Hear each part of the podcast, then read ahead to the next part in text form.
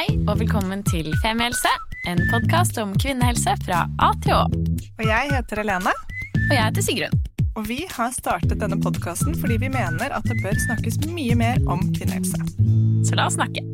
Hei og velkommen til denne episoden av Femihelse. I dag skal vi snakke om et tema som ligger våre hjerter nær, som vi sier i begynnelsen av hver episode. Ja, fordi veldig mange temaer ligger vårt hjerte nær. Ja. Men dette er jo eh, spiseforstyrrelser, som vi skal snakke om i dag. Er eh, noe jeg føler at alle har et forhold til på en eller annen måte. Om man har opplevd det selv, eller om man kjenner noen som har opplevd det, så er det nærmest en vanlig del av livet. Eh, I hvert fall det å ha et anstrengt forhold til mat. Så mm, Og så spilte vi jo inn en episode tidligere eh, med Marte Reitan, som jobber i Mental Helse Ungdom. Ja, der holdt jeg på å si feil.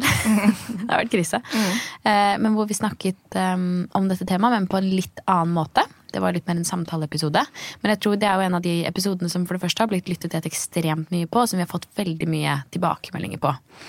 Og spesielt dette her med eh, hvordan man kan snakke med de rundt seg om hvilket forhold man har til mat, og gjerne liksom i sosiale settinger, eh, er noe i hvert fall jeg har snakket med mange om i etterkant.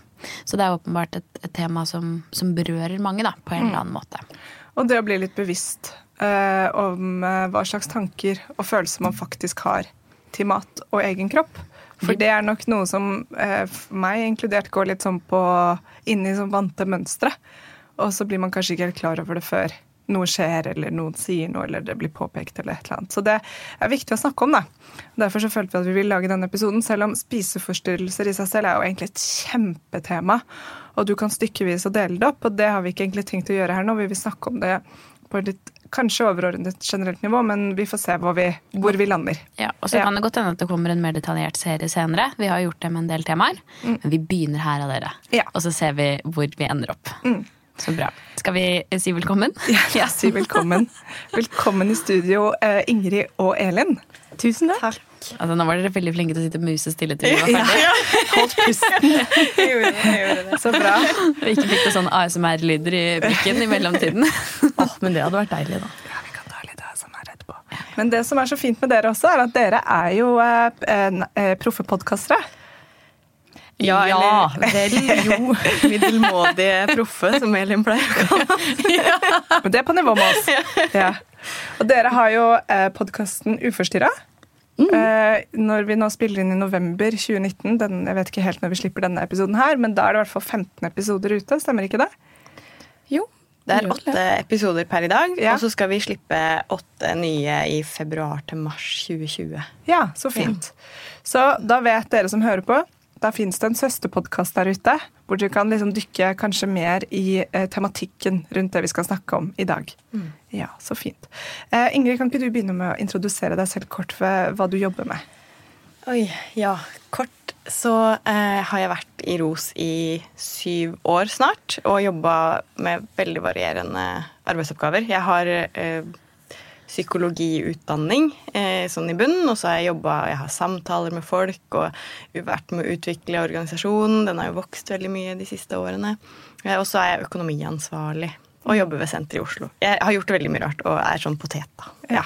Hva står egentlig ROS for? Eh, Rådgivning om spiseforstyrrelser. Nå står det faktisk på T-skjorta. di. Ja. For alle dere som ikke kan se på samme måte som meg, så er det greit å ha det Ja, på det så rene. ikke ser T-skjorten til Ingrid akkurat nå. Ingrid er så utrolig pliktoppfyllende at hun tar på seg T-skjorte for å vise hvor hun er fra. Det er bra. Men du, eh, Elin, har ikke på deg noe T-skjorte. Hvorfor ikke det? Nei. Nei, altså jeg tenker jo at eh, mine T-skjorter er mye finere enn eh, de der. Ja, ros-T-skjortene. ja. Hva Kan ikke du også gi en kort introduksjon? Ja, eh, jo, jeg er da ja, Elin. Eh, og jeg jobber jo i ROS som frivillighetskoordinator og rådgiver. Eh, og så har jeg jo også egen erfaring med anoreksi og bulimi, så jeg bruker jo mye egenerfaringen min egentlig i jobben min. Holder litt foredrag og ja. Er det da man blir en sånn typisk erfaringsterapeut? Kan man kalle det? Eh, jeg får vel ikke lov til å kalle det for erfaringsterapeut i ROS, for vi driver ikke behandling. Nei, ok. Men det hørtes jo veldig pent ut, da, så jeg skulle ønske det. Ta det til deg, så Ja. kan du se om du kan bruke den. der. Sikkert ikke en beskyttet tittel. Og så har du nydelig glitter og øyenskygge. Ja, takk. Jeg liker å glitre litt. Det setter vi pris på. Ja. Litt glitter og glam. Mm. Så da har vi fin T-skjorte og glitterøyenskygge. Vi er veldig fornøyde. Og kan egentlig sette i gang dagens episode med det første spørsmålet. Og da kan dere jo gjette hva det er. Digg, ding, ding, ding. Hva er egentlig spiseforstyrrelser? Vanskelig spørsmål, eh, egentlig, fordi at det er såpass stort. Men hvis vi skal korte det helt, helt ned, så er det jo egentlig at eh, når mat, forholdet til mat, kropp og vekt begynner å gå utover livsgleden, eh, eller begynner å gå utover eh, flere arenaer i livet, som venner, familie, eh, ja, osv., osv. Så, så Nei, det er vanskelig å, å forklare, egentlig, men, men det jeg tenker at det, Spiseforstyrrelser blir jo brukt som begrep for så mangt i dag. Da.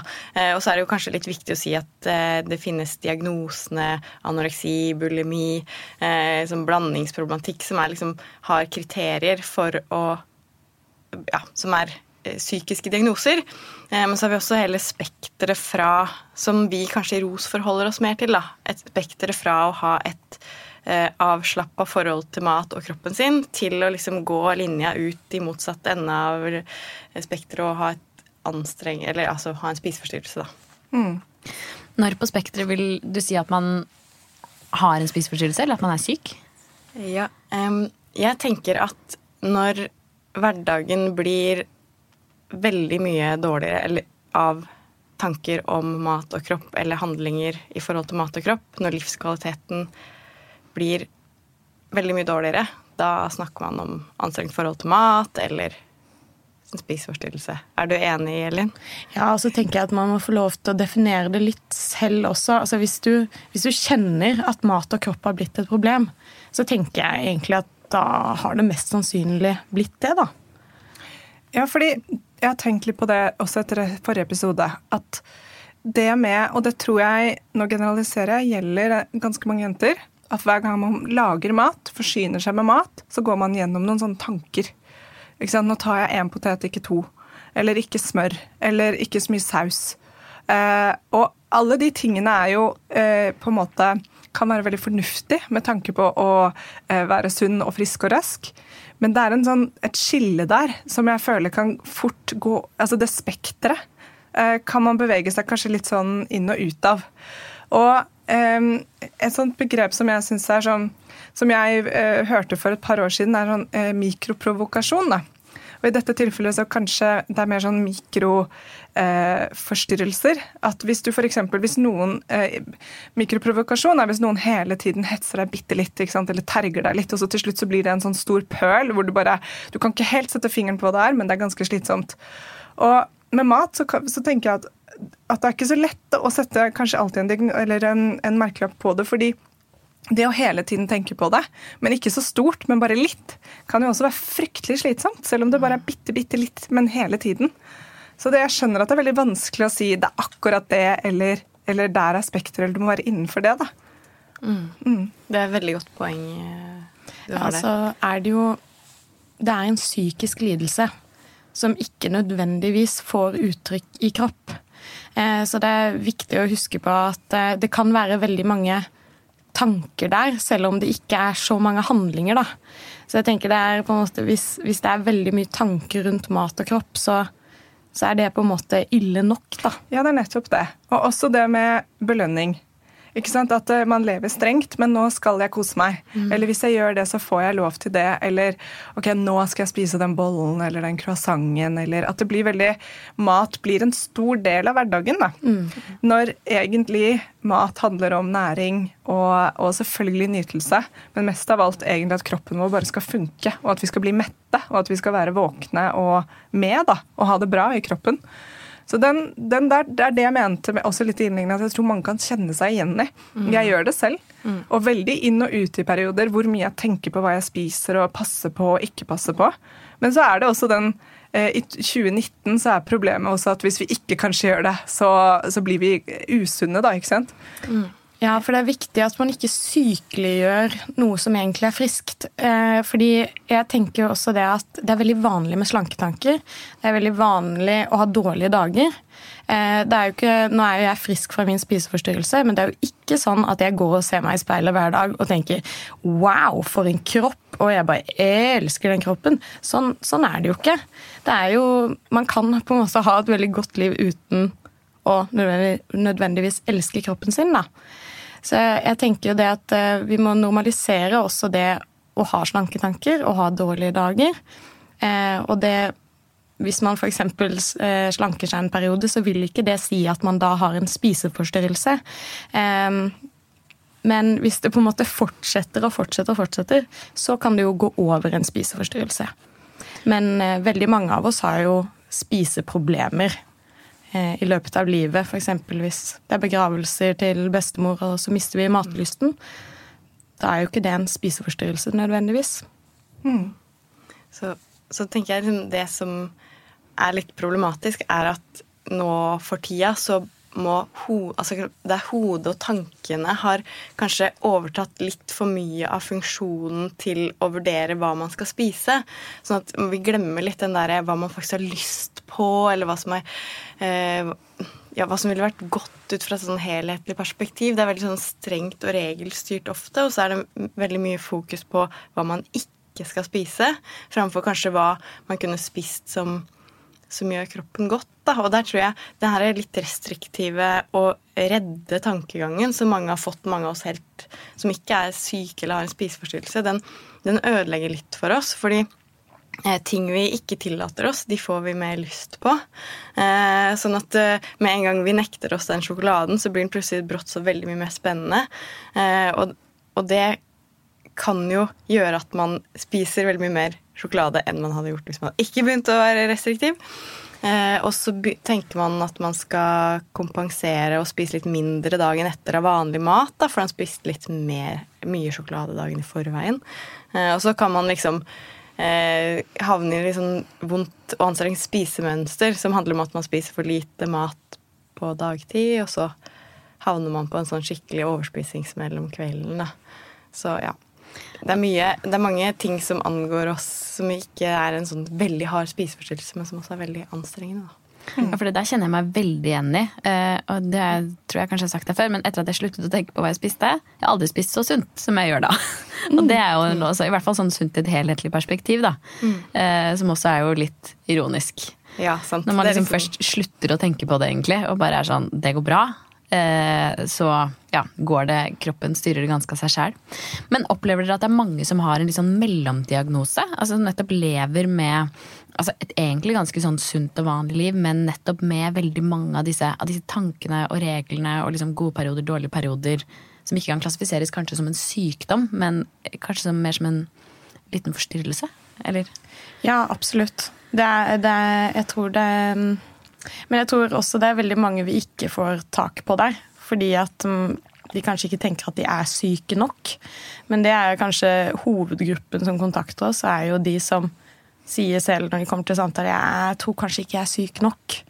Eh, men så kommer vi ofte fram til at uansett da, så er det jo kjempeviktig å begynne å jobbe med det så tidlig som mulig. Så hva er vitsen med å skulle vente til du blir syk nok, da? Men tilbake til spørsmålet, så ja, absolutt. Det er mange av de. Men hvem er typisk de da som eh, ikke tenker at de er syke nok? eller hvis du kan... Mm, det er gjerne de som ser helt uh, vanlige ut. Uh, enten de som er uh, Ja, de som er normalvektige eller overvektige. de kan ofte ikke bli tatt på alvor av kanskje andre rundt. Det er jo ikke så lett for andre rundt heller å vise bekymring når man ikke ser det tydelig i kropp. Eh, så, så det er nok eh, det er nok den typiske som har en sånn god blanding av ulike typer spiseforstyrrelser. Altså noe vi kaller uspesifisert spiseforstyrrelse. Eh, at man kanskje har en blanding av at man trener mye, og så får man en overspisingsperiode, kanskje. Og så kanskje det er litt bulemiske trekk, kanskje det er oppkast i perioder. Så, mm, så de faller på en måte ikke inn under noe, da. Og da blir det kanskje ekstra vanskelig for legen og helsesystemet å fange de opp. Vi var jo litt inne på det i sted, men når er det da man egentlig burde be om hjelp? Altså når er det, er det noen sånne ting man kan se på seg selv eller hos andre, hvor det liksom når en grense? Ja, altså jeg, jeg, tenker eh, Det er jo mange steder man kan se den grensen, på en måte. Men hvis man kjenner at, eh, at, at det begynner å bli At hverdagen på en måte begynner å bli påvirket av at du må, jeg må gå på trening, og hvis du da ikke får gått på trening, så faller alt sammen. Og hvis du ikke kan gå i familieselskap, for der er det jo mat, ikke sant. Altså hvis du begynner på en måte å bli forhindret i, egentlig, i å leve livet normalt, da, da tenker jeg at da er man på god vei mot å kunne oppsøke hjelp. Men jeg tenker egentlig så fort man tenker at man har et problem, at man kjenner at ah, jeg tenker mye på det her, så er det mye bedre å ta kontakt med oss i ROS, og så kan vi heller komme fram til om er det her noe vi skal ta videre med fastlegen, eller, eller holdt det kanskje bare med en liten prat om, om at det er vanskelig med mat og kropp akkurat nå. Jeg tenker jo kanskje det kan være litt lettere det altså, å snakke bare med noen om at det er vanskelig, enn å få en diagnose. Eller for jeg vet bare sånn eh, for min egen del, nå bruker vi mye egne referanser her, um, så uh, kjenner jeg meg veldig igjen i veldig mye av det du sier, men det er jo også noe som har gått over av seg selv. Litt med at liksom, jeg er blitt eldre og liksom lært ting og tang om hvordan kroppen fungerer. Og jeg bare stiller meg selv spørsmål om det hadde vært annerledes hvis jeg på en måte hadde fått en diagnose på det om det da hadde vært vanskeligere å gå videre, eller om jeg hadde kjent mer på at det hang igjen, annet enn at det bare var en sånn periode hvor man tenkte mye på det. Uh, det er sikkert litt sånn no-no-spørsmål, på en måte, eller om, om, hjelp også kanskje kan gjøre det litt verre da, på den måten ved at man setter veldig fokus på at det er et problem. Når åpenbart som vi sitter og snakker om her, at veldig mange har disse type tankene. da. Mm. Jeg, jeg, tenker jo, Det er jo der, eh, der, det er egentlig veldig viktig når du kommer i behandling. Hvis du da hadde kommet i behandling eh, når du hadde kjent at mat og kropp hadde begynt å bli vanskelig, så tenker jeg at det er veldig viktig at behandling, eh, at de som er behandlere, at de er veldig sånn obs på at det her skal vi snakke om her og nå, men du er ikke en spiseforstyrrelse. Og alltid på en måte gi mer og mer energi til den friske siden og være veldig klar på at du er ikke den diagnosen. Og, så, men ja, det, det, er jo et godt spørsmål eh, som man egentlig ikke helt som er vanskelig å vite svaret på. Det er kjempevanskelig. Men eh, jeg vet jo at det er mange som, som får perioder i puberteten f.eks. hvor man plutselig slanker seg og går ned i vekt. Og så er det kanskje litt sånn tøft, men så kommer de seg på plass igjen. Og det er helt vanlig. Men jeg tenker eh, For noen så går det ikke over, da. Nei. Og da skal man helt klart ha hjelp. Så det, var ja, sånn. Så... det er mer man etter hvert liksom skal se på en sånn samfunnsmåte å tenke på, hvis det er så mange mennesker det rammer. da. Mm. Veldig kritiske spørsmål der. Jeg, bare... jeg tror jo at det er best å ta tak i det tidligst mulig uansett. Men vi må kanskje prøve det er av og til jeg lurer på er vi for diagnosefokuserte. Eh, det kan godt hende. Det er vanskelig å si. Men eh, Eh, ja, jeg tror uansett at man må, må iallfall få noen å prate med. For du trenger ikke få en diagnose for, eksempel, for å snakke med noen. Helsesøster eller eh, ja, eller en ja, god kollega. Bare snakke om at ting er vanskelig. Bare ja, så enkelt som det. Man, uten mm. å trenge å sette en merkelapp på det. Ja, for det er nettopp det. Jeg bare kaster ut teorien om at de gangene hvert fall jeg har tenkt mye på mat og kropp, så har jeg jo ikke hatt det så veldig bra. Og det er, ikke, det er ikke nødvendigvis det at jeg føler et behov for å slanke meg eller for å eh, ikke spise eller trene veldig mye, men det er jo fordi det er noe der i livet som ikke er helt i balanse. Mm. Så det eh, når man ber om denne hjelpen, så er det ikke nødvendigvis det der med å få diagnosen ok, men du er anorektisk eller du har bulimi eller det er noe annet. Men hva er årsaken da, kanskje til at disse tankene setter seg fast, eller at det blir så vanskelig? Er det noe Ikke nødvendigvis at det er en sånn eh, link til direkte til noe annet, mm. men kanskje man har det litt tøft. da, altså At ting ikke er livet kanskje ikke ble akkurat sånn som man har sett for seg, og så må man finne noe å hekte det på, da, noe å kontrollere. Er det, mm. Ser dere det? det? Kan det være noe? Jeg bare kaster ut min egen teori her. ja, altså jeg, jeg, håper jeg svarer på spørsmålet ditt nå, da. Men vi tenker jo om spiseforstyrrelser at det er en mestringsmekanisme på noe annet som er vondt, eller um, Ja, eller som du sier, at i, i en periode med kanskje noe psykisk smerte eller hvor man har det dårlig, så tenker man at og hvis jeg bare trener litt mer eller spiser litt sunnere, så får jeg sikkert bedre. Eh, og så begynner man å gjøre det. Og så er det jo det at hvis man trener litt mer og eh, spiser litt sunnere, så har det ganske ofte en sånn litt rask effekt på kroppen som andre oppdager rundt, og som man også ser selv. Og så får man kanskje kommentarer på det at 'Å, så, så flott du har blitt', eller noe. Det blir sånn der forsterkende. Man får noe veldig positivt ut av den her atferdsendringa. Um, og da, da, kan det jo kanskje balle litt på seg etter hvert og sette, sette seg litt mer fast, da. Eh, hva tenker du om når jeg sier det, Elin? Er det eh, Jo, jeg tenker at det, det, høres jo veldig riktig ut, det. Og, og, også det med Det vi ikke har snakka så mye om her, det er jo med overspisingslidelse og overspising. Som, som, er jo Da bruker man jo mat direkte for å døyve følelser, i hvert fall noen ganger.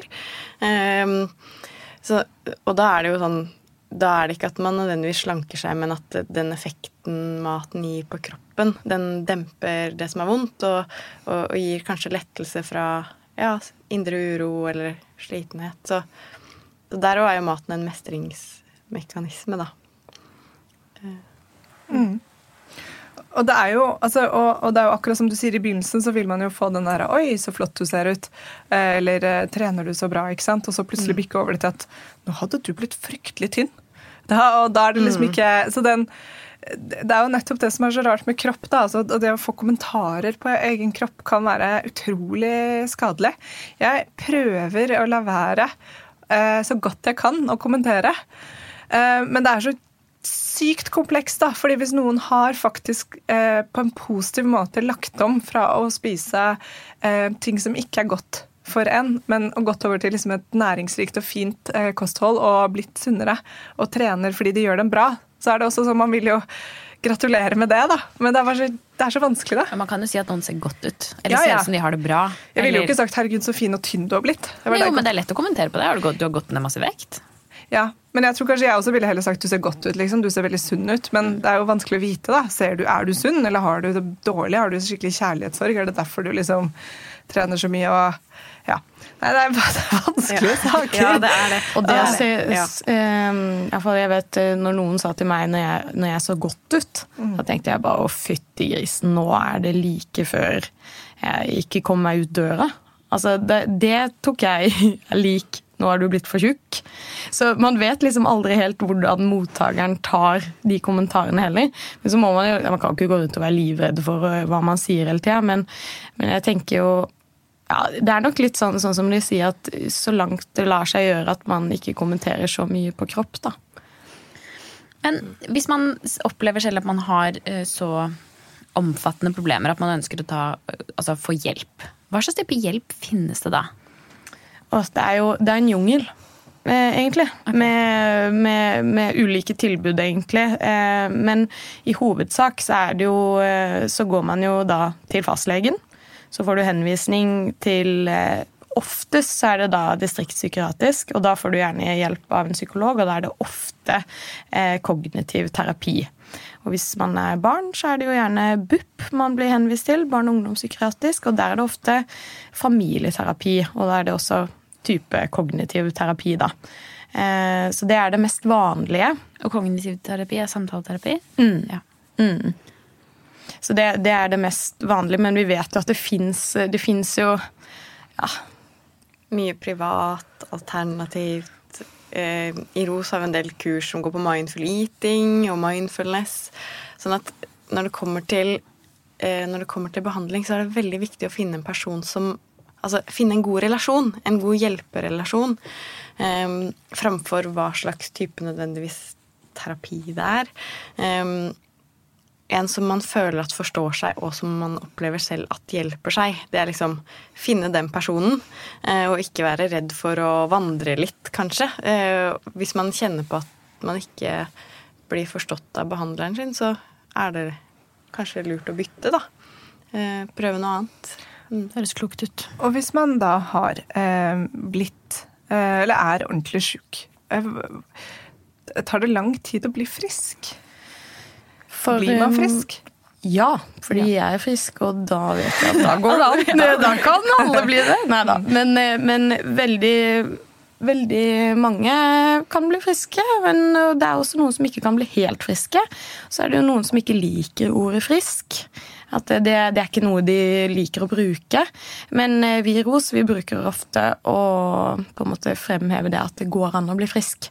For eh, det er jo en sånn myte ute i samfunnet om at eh, hvis du får en spiseforstyrrelse, så kommer du til å ha den med deg resten av livet. Og det tror jeg var kjempetøft for min mamma og pappa å få vite at jeg hadde en spiseforstyrrelse. Og så hadde de fått beskjed sant, av samfunnet da skal han ha den med seg for resten av livet. Det er ganske tøft som foreldre å få vite. Og, og også for meg, ikke sant, som tenkte at ja, ja, da må jeg bare leve sånn her for resten av livet, da. Men det er altså feil. Mm. Ja, det er så bra. fordi det er jo det, er jo det um, inntrykket jeg setter igjen med fra samfunnet også, er jo nettopp det at uh, de som, er, uh, som får en diagnose og som er i den delen av spekteret som vi kaller skikkelig eller syke, da, det tar tid. Og det er, ikke, mm. det er, ikke, alle som lykkes med Eller lykkes er feil å si, for det er jo ikke din feil, du er jo syk, men det er ikke alle som får den hjelpen de kanskje trenger, mm. eller uh, som blir friske. Mm. Og det er jo Ja.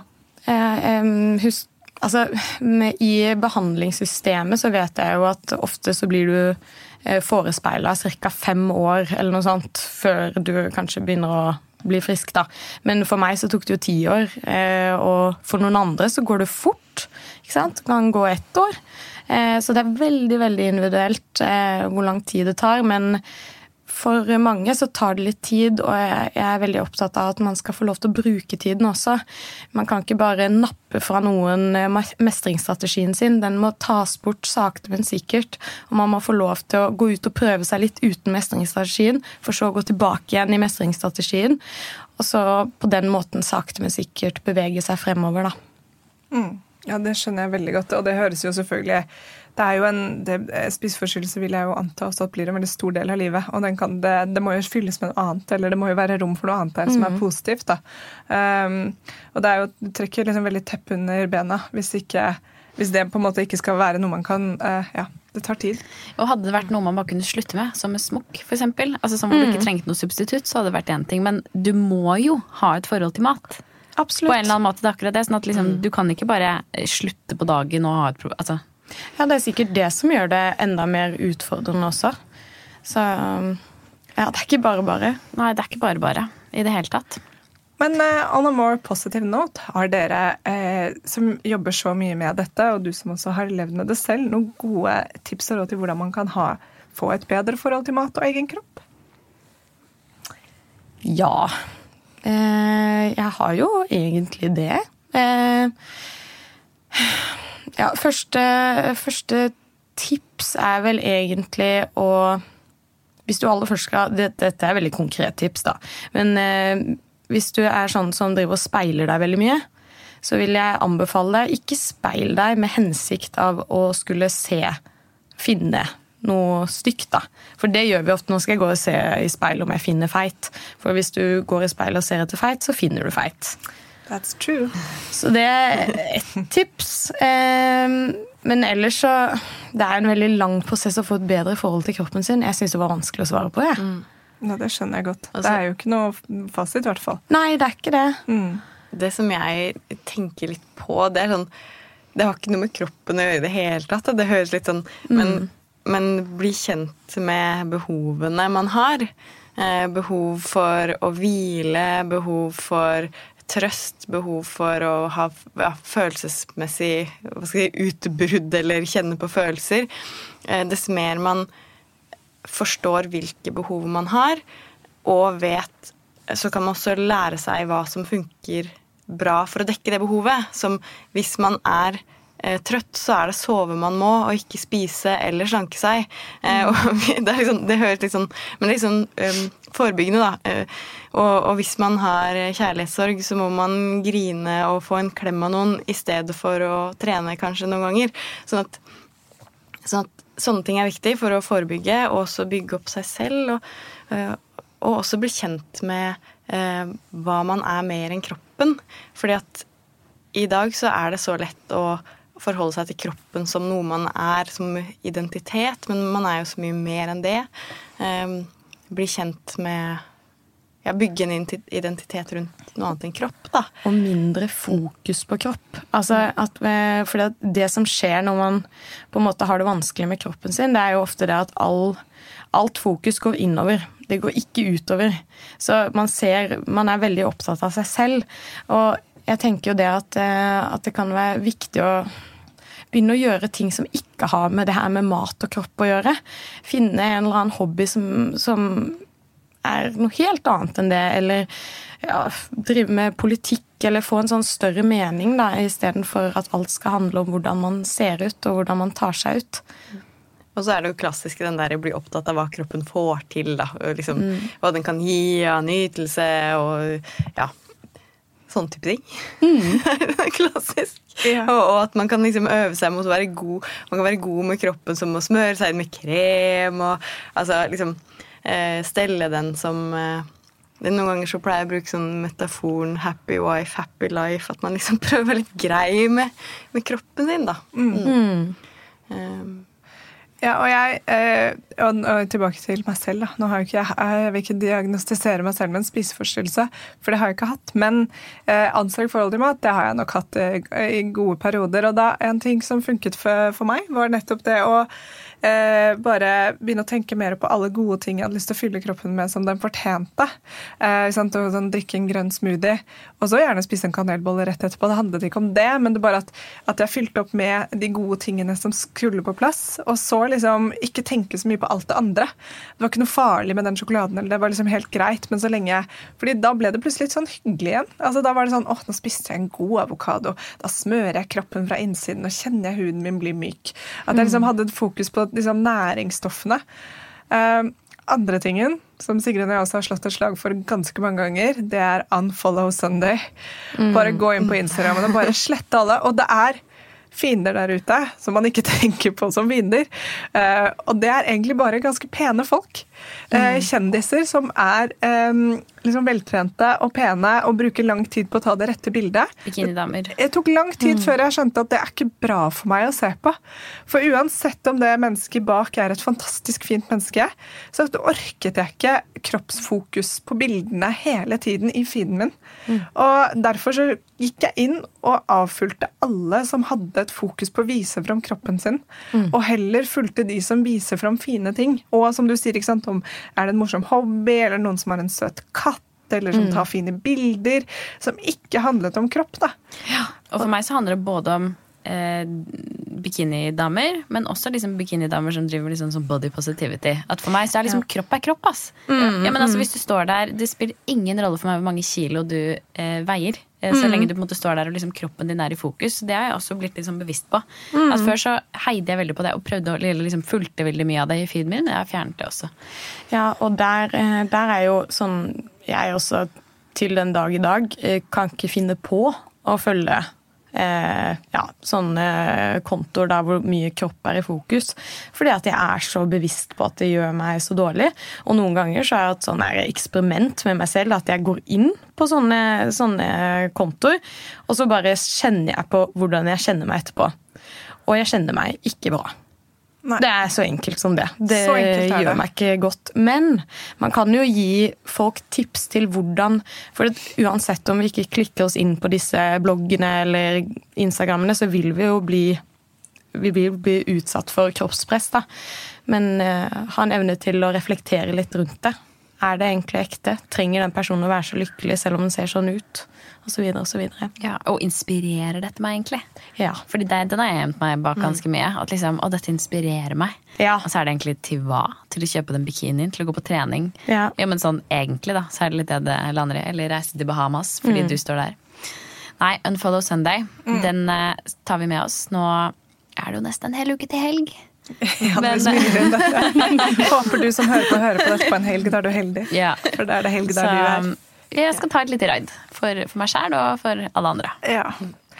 Og så har vi også sagt litt om eh, det med å være litt bevisst eh, hvordan man snakker om kropp og mat, eh, spesielt rundt eh, barn, men også bare sånn i venninnegjengen. Mm. Har dere noen tanker rundt det? Ja, vi har vel ganske mye tanker rundt det, egentlig. Um, det så langt det lar seg gjøre, så tenker jeg at det kan vi slutte med alle sammen. Å snakke stygt om kroppene våre, eller andres, til hverandre. Um, og si at åh, magen min den henger så over buksa. Liksom. Uh, fordi at det som skjer da, at når jeg nevner min mage, at jeg ikke er fornøyd med den, så begynner kanskje Elin å tenke på sin mage. Uh, og vurdere om den kanskje er litt for et eller annet. Um, og, så, så, plutselig sitter Elin og tenker på magen sin. Det gjorde hun kanskje ikke før jeg nevnte min. Um, det har en smitteeffekt, smitteeffekt rett og slett. Ja. Mm. Um, man skal få lov til å snakke om at man ikke har et greit forhold til kroppen sin, men om å mobbe egen kropp eller andres kropper sånn i fellesskap, det, det har ikke noe godt eh, for seg. Og mammaer som sier høyt at de slanker seg etter barna sine, eh, smitter jo veldig. Eh, mammaer som, og pappaer som ikke kan spise eh, det ene eller det andre til middag. Barna får det med seg. Så, mm, og det påvirker ikke noe positivt. Mm. Det er litt sånn streng. Ja, ja jeg syns det er veldig fint det, å være litt streng på det. Mm. Mm. Jeg tenker at vi alle kan være litt mer bevisste på det. Jeg har blitt mye flinkere på det de siste årene. Og hvis jeg tenker noe, så trenger jeg ikke alltid å si det høyt heller. Altså, tenker noe om meg selv, eller tenker sånn ja, eller rundt liksom hva vi skal spise, eller ting og tang. Så bli flinkere til å ikke alltid dele alt. Fordi man vet aldri hvor mottagelige de rundt deg er. Og de aller fleste er ganske mottagelige. Mm. Mm. Så mindre åpenhet, det er det vi slår et slag for her. Mer, eh, mer innesluttethet. Ja. Det er det vi vil her i Femihelse. Ja. Altså, jeg må bare understreke det er forskjell på å snakke om at man har et vanskelig forhold til kroppen sin, ja. og men det er noe annet. Ja, ja. Så det må man få si. Åpenhet rundt at man har et problem. Mm. Ja, og, og, det er lov å si 'jeg føler at jeg har lagt på meg', eller 'jeg føler at jeg har blitt for tynn', eller 'jeg føler at jeg har et vanskelig forhold til mat'. At, for det er noe annet. Mm. Snakke om seg selv og at man har et problem. Og, og da kan man jo også kanskje Eh, som venninne så kan man jo, hvis man greier å være enda eh, større, og, og si liksom Hvis noen sier at magen min henger utenfor, og stiller liksom Men hva har du det bra? Ikke sant? Og liksom ta mm. den samtalen på det istedenfor å si uff, ja, nei, da, ja. Nei, det gjør den jo ikke. Nei, det ja. gjør den ikke. Du ser flott mm. ut. Så går det an å si du, hva, men hvorfor, hvorfor tenker, du, tenker, du, mye på at magen din henger utenfor buksa? Mm. Og, og, hva er greia med det? Hvor kommer det fra? Eller kanskje du skal kjøpe en litt større bukse da i stedet? ja, faktisk. Skal vi gå og kjøpe bukser sammen? Uff, da er de for små. ja, det er sikkert hun der røkte ut av tacomiddagen med venninnegjengen. ja, nei, men det er noe med det, da. Altså, det, fordi det er jo et, av og til også et litt sånn rop om hjelp. ikke sant? Sånn 'Å, jeg har lagt på meg så mye'. Eller 'buksa sitter stramt', eller hva det er. Så jeg som akkurat har arvet bukser ned til Sigrun. Sigrun har fått mine gamle bukser. Men det er fint. Det er hyggelig. Ja. ja. Mm. Ok, eh, Så bra. Er det noe vi har glemt? Noe dere vil legge til på tampen her? Sperrer de opp de store glittermalte øynene og ser på hverandre? Dere har sagt veldig mye klokt, altså, så vi ikke trenger ikke å sette dere på stupebrettet sånn på tampen. Det er sikkert masse vi kunne ha sagt. Ja. Men det som er så fint, er at hvis man har konkrete spørsmål om spiseforstyrrelse, så kan man vel ta kontakt med ROS også, kan man ikke det? Enten om det handler om deg selv, eller om noen du kjenner, noen rundt deg på en eller annen måte. Ja. I hvert fall for å høre sånn, hva man kanskje kan gjøre videre. Absolutt. De kan eh, ringe oss, og vi har jo chat og vi har også individuelle samtaler i noen byer. Så, eller sende mail. Ikke sant. Så ta kontakt hvis, ja, hvis man lurer. Og Ros finner dere på alle sånne sosiale medier. Er de på Instagram og på Facebook og på nett, som jeg antar at de fleste har? Til og med da podkast, som sagt, Uforstyrra, som dere finner på samme kanaler som her. Yep. Så da kan dere også sjekke ut nettros.no, som er adressen til Ros. Tusen takk for at dere kom i studio og svarte på alle våre spørsmål. Takk skal dere ha. Takk for at vi fikk komme på besøk. Tusen takk. Skikkelig hyggelig å ha dere her. Mm. Og jeg syns dere var veldig gode på den andre siden av mikrofonen. Ja. Ikke samme. det er faktisk verre å være gjest. Ja, det er mye. det er mye å kose oss. Ja. Det er ille. Ja. Takk for at du hørte på. Så snakkes vi snart. Vi snakkes neste uke. Ha det. Tusen takk for at du hørte på podkasten vår. Selv om det forhåpentligvis kommer tydelig frem, så vil vi understreke at vi ikke er helsepersonell. Ja, så som vanlig, kontakt legen din om du har noen spørsmål, eller om du skal begynne på noen form for behandling. Og har du et tema som du har lyst til at vi skal snakke om, eller noe ris eller ros, så send oss gjerne en melding på Facebook eller på Instagram. Der finner du oss under Femihelse. Mm. Og du kan gjerne rate oss på iTunes. Det er skikkelig hyggelig for oss. Ha en fin dag. Ha en kjempefin dag.